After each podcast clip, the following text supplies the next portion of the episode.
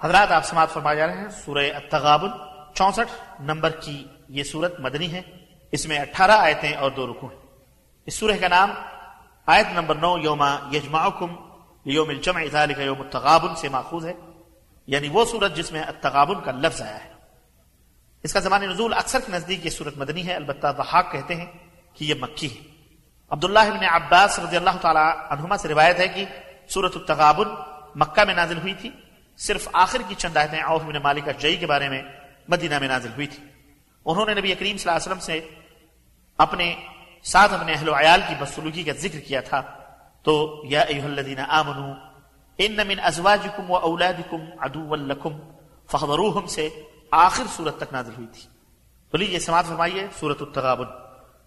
بسم اللہ الرحمن الرحیم۔ اللہ کے نام سے شروع جو بڑا مہربان نہایت رحم والا ہے يسبح لله ما في السماوات وما في الأرض، له الملك وله الحمد، وهو على كل شيء قدير. ارض و سماوات میں جو بھی مخلوق موجود ہے، اللہ کی تسبیح کرتی ہے۔ اسی کی بادشاہی ہے اور اسی کے لیے تمام تر تعریف ہے اور وہ ہر چیز پر قادر ہے۔ هو الذي خلقكم فمنكم كافر ومنكم مؤمن والله بما تعملون بصير. وہی تو ہے جس نے تمہیں پیدا کیا پھر تم میں سے کوئی کافر ہے اور کوئی مومن؟ اور جو کچھ تم کرتے ہو اللہ اسے خوب دیکھتا ہے۔ خلق السماوات والأرض بالحق وصوركم فأحسن صوركم۔ وَإِلَيْهِ الْمَصِيرِ۔ اس اللہ نے ارض و سماوات کو حقیقی مسلحت سے پیدا کیا اور تمہاری صورتیں بنائیں تو بہت عمدہ بنائیں اور اسی کی طرف پلٹ کر جانا ہے۔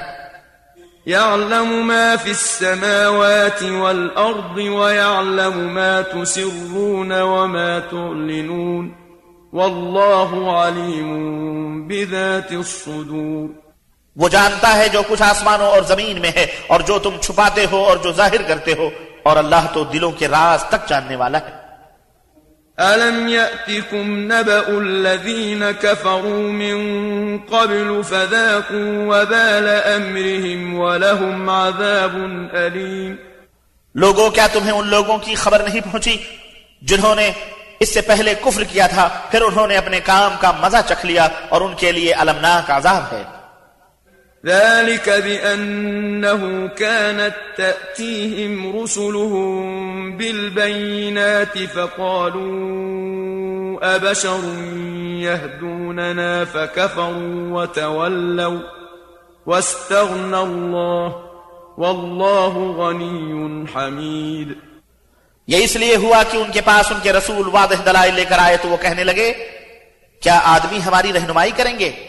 چنانچہ انہوں نے انکار کر دیا اور منہ موڑ لیا اور اللہ بے پرواہ ہو گیا اور اللہ تو ہے بے نیاز اور اپنی ذات میں محمود زعم الذين كفروا أن لن يبعثوا قل بلى وربي لتبعثن ثم لتنبؤن بما عملتم وذلك على الله يسير.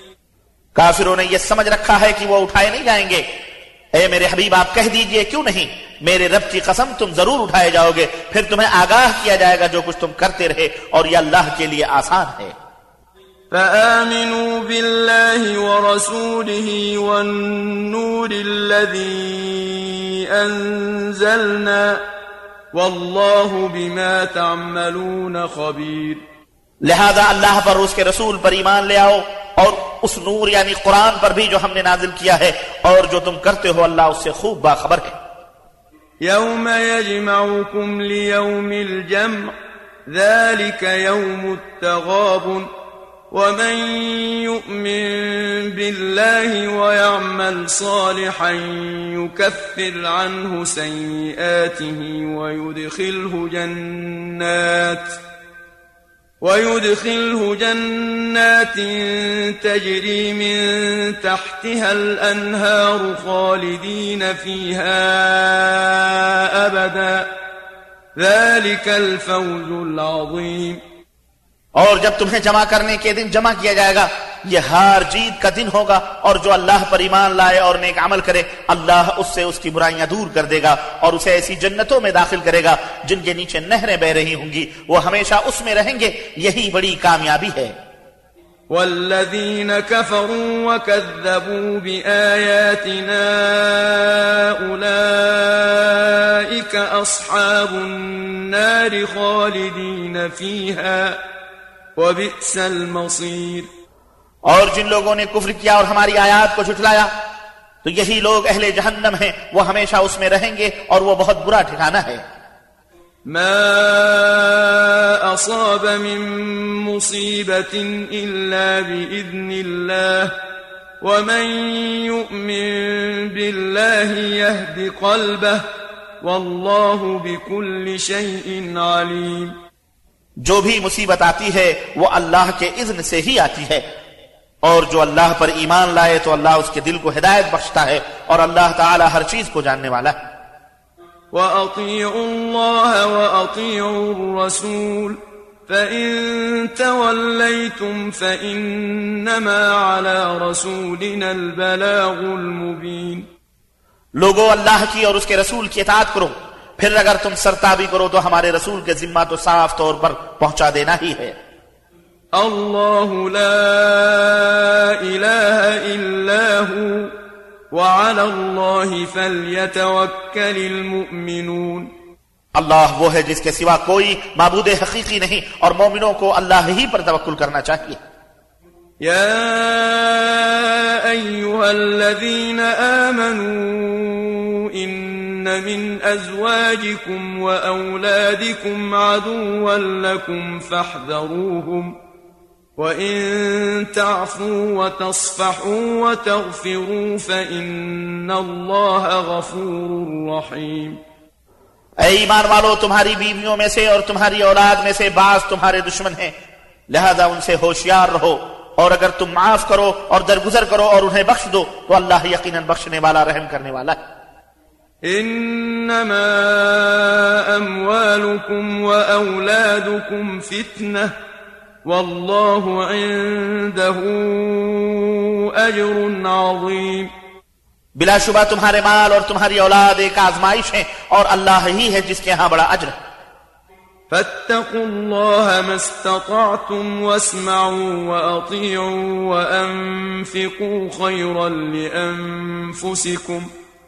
ومن يوق شح نفسه فأولئك هم المفلحون لہذا جہاں تک ہو سکے اللہ سے ڈرتے رہو اور سنو اور اطاعت کرو اور اپنے مال خرچ کرو تمہارے ہی لیے بہتر ہے۔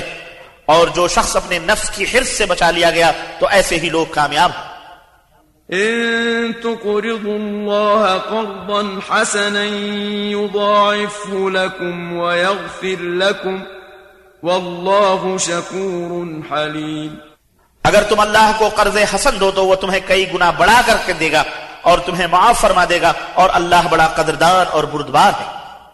عالم الغيب والشهادة العزيز الحكيم وہ غائب اور حاضر ہر چیز کو جاننے والا ہے وہ زبردست ہے اور دانا ہے